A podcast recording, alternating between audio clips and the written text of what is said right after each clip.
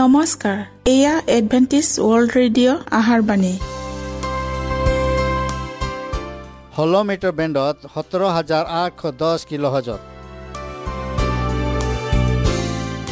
Adventist world radio যোগে অসমীয়া ভাষাত প্ৰচাৰিত আহাৰ বাণী প্ৰত্যেক বুধবাৰ আৰু দেওবাৰ সন্ধিয়া সাত বজাত আহাৰ বাণী শুনাৰ পিছত আপোনালোকৰ কিবা মন্তব্য আৰু প্ৰশ্ন থাকিলে আমালৈ এই ঠিকনাত লিখক। আমাৰ ঠিকনাটি হৈছে Adventist World Radio' Seven Day Adventist মণ্ডলী অসম শাখা লতাকাটা বশিষ্ট গুৱাহাটী সাত আঠ এক শূন্য দুই ন।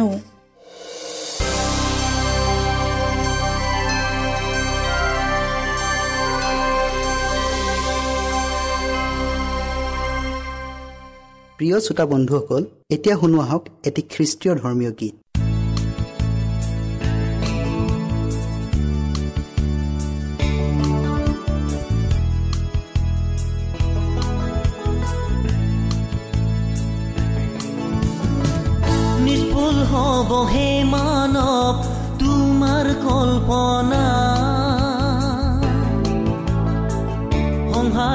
সংসাৰ হব মনীষ তোমাৰ বৃতা চেষ্টা নিষ্ফল হব হে মানৱ তোমাৰ কল্পনা। সংসাৰ হব মনীষ তোমাৰ প্ৰীতা চেষ্টা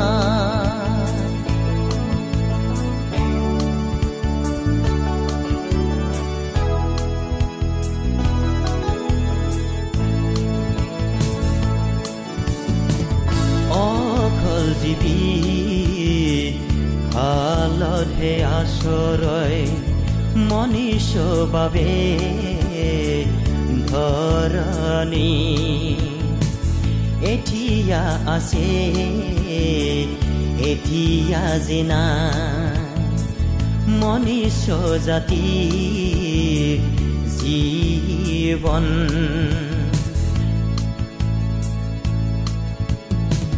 ভাবি আছানে কি হে মনীষ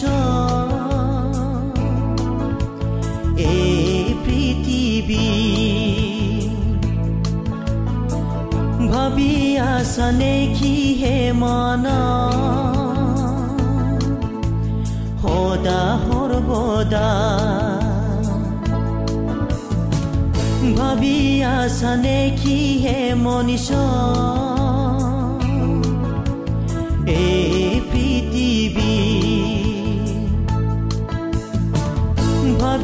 আছানে কি হে মন সদা সৰ্বদা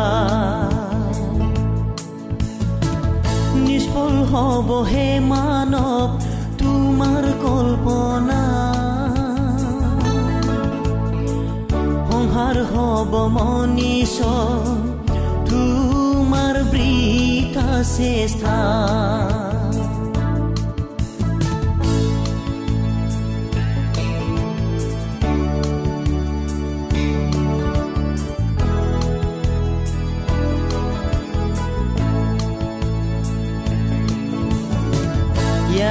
যে নহয়। ভাপ থাকিবলৈ আত্মা জাগ্ৰত হৈ থাকিবলৈ হে। ইয়া যে নহয় ভাপ থাকিবলৈ আত্মা জাগ্ৰত হৈ থাকিবলৈ হে। পাই থাকিবলৈ সময় আহি যিচুলৈ বাট চাই টকা সময় আহিল। সাৰ পাই থাকিবলৈ সময়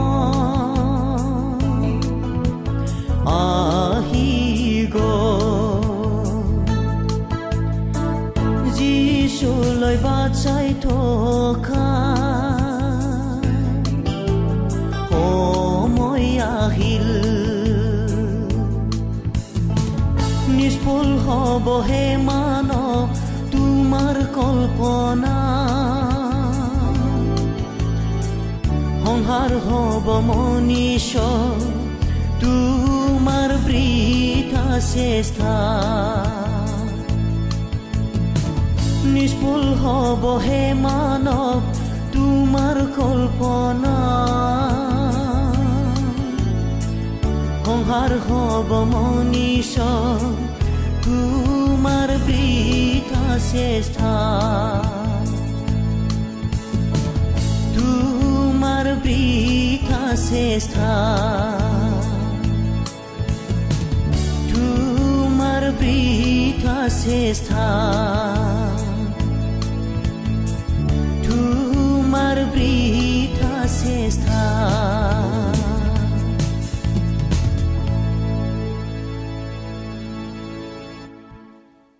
প্ৰিয় শ্ৰোতা বন্ধুসকল আহক আমি খন্তেক সময় বাইবেল অধ্যয়ন কৰোঁ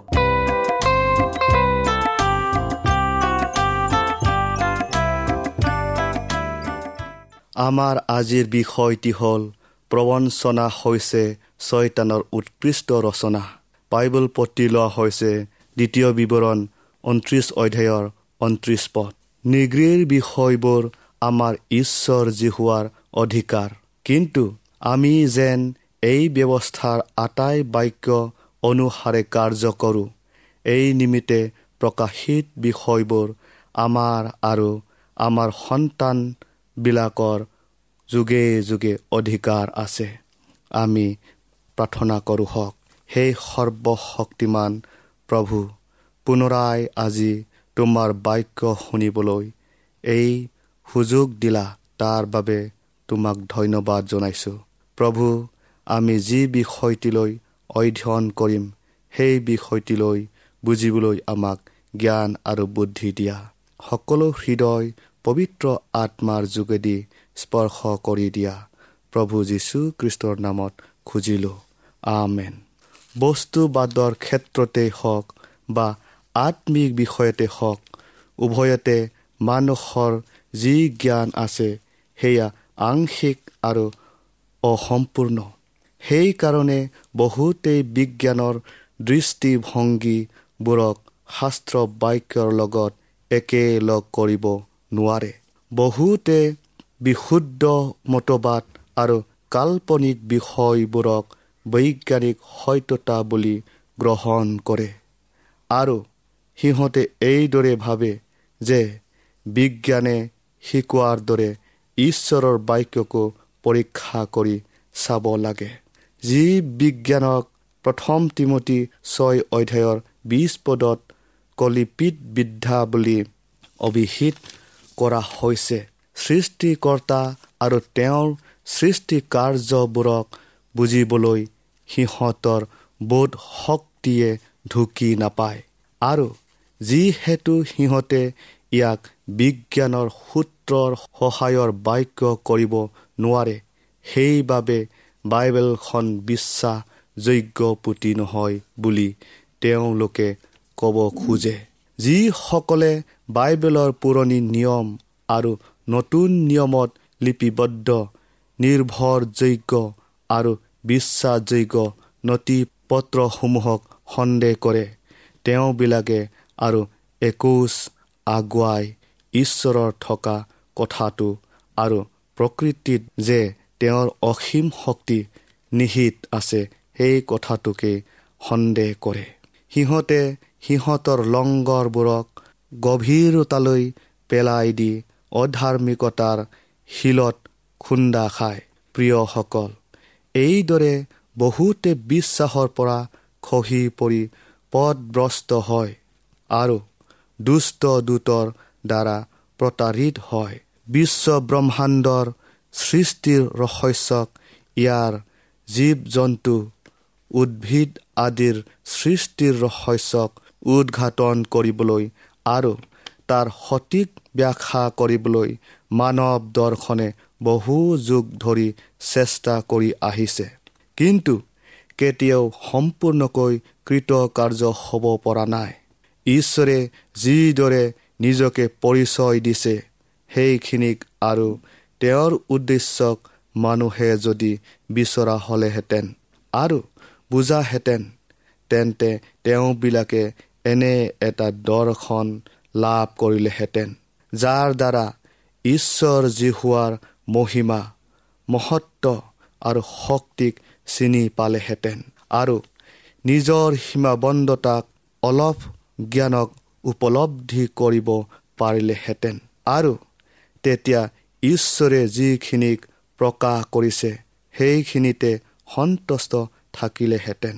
ঈশ্বৰে যি বিষয়বোৰৰ বিষয়ে আমাক জনোৱা নাই আৰু যি বিষয়বোৰক আমি বুজি পোৱাটো তেওঁ ইচ্ছা নকৰে। তেনে সেই বিষয়বোৰক বিচৰা কাৰ্যত তেনে বিষয়বোৰ বিষয়ে আন্দাজ কৰা কাৰ্যত মানুহৰ মনবোৰ ব্যস্ত থাকে। তাৰ বাবে ছয়তানে এক উৎকৃষ্ট অপূৰ্ব সুন্দৰ প্ৰতাৰণা জাল ৰচনা কৰিছে। প্ৰিয়সকল ঈশ্বৰে ইচ্ছা নিবিচৰা বিষয়টোক বিচৰাৰ ফলতে লুচিফাৰে স্বৰ্গখন হেৰুৱাই লৈছিল। সি অসন্তুষ্ট হৈছিল কাৰণ ঈশ্বৰৰ উদ্দেশ্যক আটাই ৰহস্যক তাক জনোৱা হোৱা নাছিল আৰু যি মৰ্যাদা পূৰ্ণ আসন তাক প্ৰদান কৰা হৈছিল আৰু তাৰ ওপৰত যি দায়িত্ব অৰ্পণ কৰা হৈছিল তাক সমূলি অৱজ্ঞা কৰিছিল। একেদৰে স্বৰ্গদূতৰ মাজত সি অসন্তুষ্টিৰ এক ভাৱনা সৃষ্টি কৰি সিহঁতক পাপত পতীত কৰাইছিল। এতিয়া সেই একে চলনাৰে মানুহৰ মনবোৰক পুচলাই ঈশ্বৰৰ বিধানৰ প্ৰত্যক্ষ বিৰোধ কৰি অগ্ৰাহ্য অৱজ্ঞা কৰি নিজৰে সৈতে নৰকত পেলাব খুজিছে। পাচনি কৰ্ম এক অধ্যায়ৰ সাত পদটো আমি আকৌ চাওঁ হওক। তেওঁ তেওঁলোকক ক'লে যি যি কাল যি যি সময় পিতৃয়ে নিজৰ ক্ষমতাৰে স্থাপন কৰিলে সেইবোৰ তোমালোকে জানিবলৈ নোপোৱা। ঈশ্বৰে নিজ ক্ষমতাৰে সময় আৰু কাল স্থাপন কৰিলে। ঈশ্বৰে বাৰু এই বিষয় জানিবলৈ কিয় জ্ঞান নিদিলে? কিয়নো যদি তেওঁ আমাক ইয়াক দিলেহেঁতেন আমি ইয়াক সৎ ব্যৱহাৰ নকৰিলেহেঁতেন। যদি সঁচাকৈয়ে সময় আৰু কালৰ বিষয়ে মানুহৰ জ্ঞান থকাহেঁতেন সেই মহাদিনটোৰ বাবে কৰা প্ৰস্তুতিৰ কামত এটা প্ৰকাণ্ড প্ৰতিবন্ধকতাৰ সৃষ্টি হ'লেহেঁতেন। যীশুৱে নিজৰ শিষ্যসকলক পৰ দি থাকিবলৈ কৈছিল। কিন্তু নিৰ্দিষ্ট সময় কথা কোৱা নাছিল। তেওঁৰ অনুসৰণকাৰীসকল এনেকুৱা হোৱা উচিত যি নিজৰ চলাওঁতাজনৰ আদেশ পালন কৰিবলৈ সদায় প্ৰস্তুত থাকে। সিহঁতে পৰ দি থাকিব লাগিব বাট চাব লাগিব প্ৰাৰ্থনা কৰিব লাগিব আৰু তাৰ লগতে কাম কৰি যাব লাগিব। আৰু এইদৰে প্ৰভু অহাৰ সময়লৈ সকলো মুহূৰ্ততে প্ৰস্তুত থাকিব লাগিব। কিন্তু সেই সময় কেতিয়া হ'ব তাৰ বিষয়ে ভৱিষ্যতবাণী কোনেও ক'ব নোৱাৰে। কাৰণ সেই সময় আৰু কাল কোনো মানুহৰ অৱগত নহয়।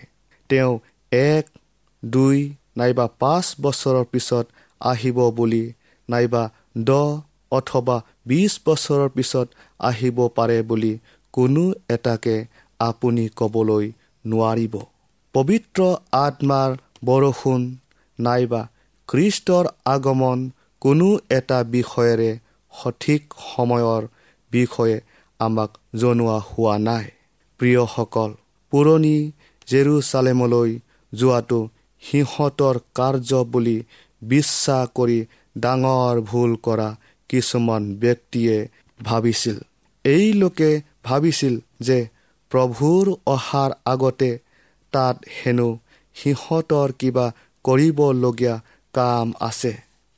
এনেকুৱা দৃষ্টিভংগীয়ে তৃতীয় স্বৰ্গদূতৰ বাণীৰ আধাৰত বৰ্তমান সময়ত প্ৰভুৰ বাবে কৰিবলগীয়া কামৰ পৰা সিহঁতৰ মন আৰু মনোযোগবোৰক আঁতৰি লৈ গৈছিল।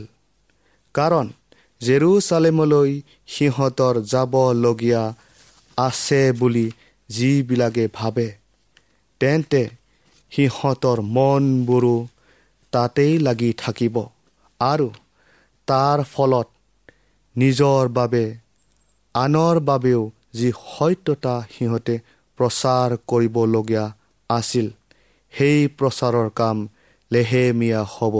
নাইবা বন্ধ হৈ যাব। প্ৰিয়সকল এনেকুৱা অগা পিছা কৰা মিছনে কোনো ভাল কাম নকৰে। যিদৰে যিহুদীসকলক পতিয়ন পতিয়ন নিয়াবলৈ বহু সময় লাগিছিল তথাপিও খ্ৰীষ্টৰ প্ৰথম আগমনক বিশ্বাস কৰা খুব কম সংখ্যক যিহুদীহে উলিয়াইছিল। তেন্তে তেওঁৰ দ্বিতীয় আগমনক বিশ্বাস কৰা লোক কিমান ওলাব? ঈশ্বৰে আমাক সকলোকে আশীৰ্বাদ কৰক।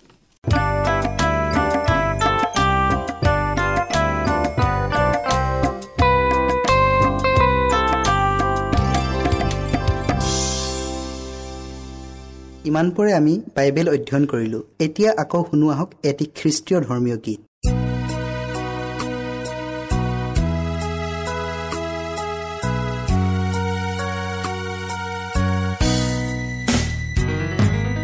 নতুন পৃথিৱী নতুন দিন নতুন সপোন দেখিবলৈ দিলা। নতুন পৃথিৱী নতুন দিন নতুন সপোন দেখিবলৈ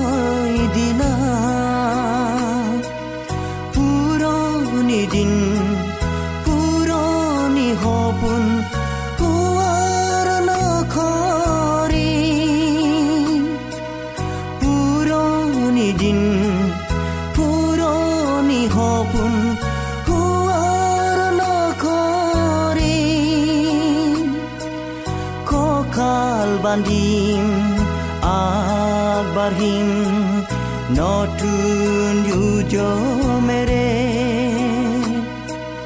কঁকাল বান্ধিম আগবাঢ়িম নতুন উজমেৰে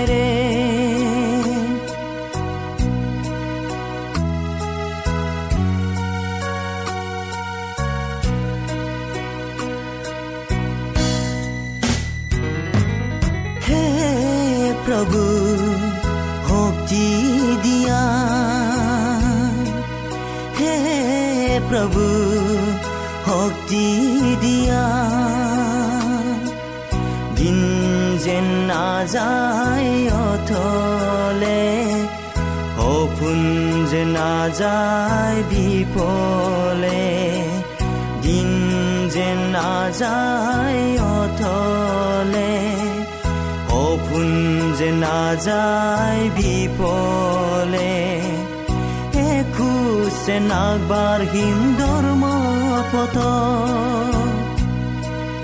এখোজে নাগবাঢ়িম ধৰ্ম পথ? শক্তি দিয়া প্ৰভু শক্তি দিয়া দিন যেন নাযায় অথলে। শক্তি দিয়া প্ৰভু শক্তি দিয়া দিন যে নাযায় অথলে। পৃথিৱী নতুন দিন নতুন সপোন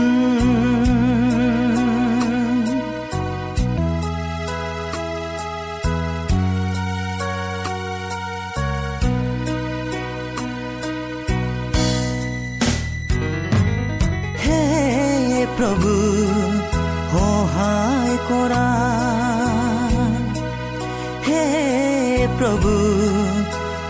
সহায় কৰা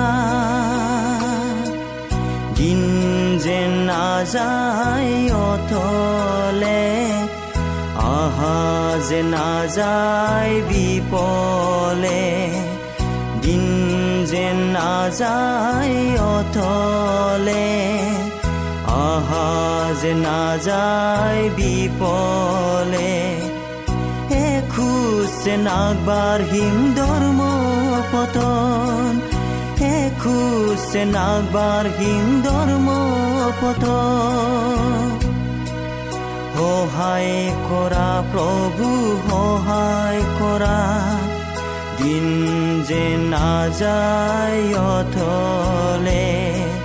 সহায় কৰা প্ৰভু সহায় কৰা দিন যে নাযায় অথলে। নতুন পৃথিৱী নতুন দিন নতুন সপোন দেখিবলৈ দিলা নতুন পৃথিৱী নতুন দিন নতুন সপোন দেখিবলৈ দিলা পুৰণি দিন hopun ku rono korin. Puroni jin puroni hopun ku rono korin. Kokal bandim akbar him notun ujo mere. কঁকাল বান্ধিম আগবাঢ়িম নতুন উদ্যমেৰে নতুন পৃথিৱী নতুন দিন, নতুন সপোন দেখিবলৈ দিলা নতুন পৃথিৱী নতুন দিন নতুন সপোন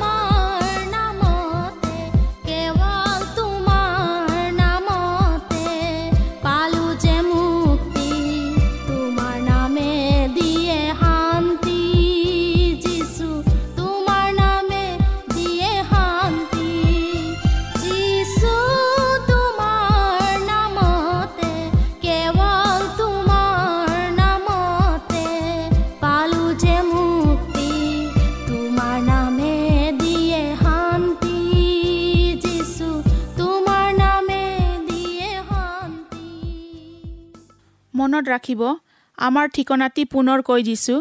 Adventist World Radio' Assam Region of Seven Day Adventist Voice of Hope Latakata Basistha Guwahati seven eight one zero' two nine প্ৰিয় শ্ৰোতা বন্ধুসকল এডভেণ্টিজ ৱৰ্ল্ড ৰেডিঅ' যোগে আহাৰবাণী প্ৰচাৰত আপোনালোকক পুনৰ লগ পোৱাৰ আহাৰে আজিলৈ সামৰিলোঁ। ধন্যবাদ।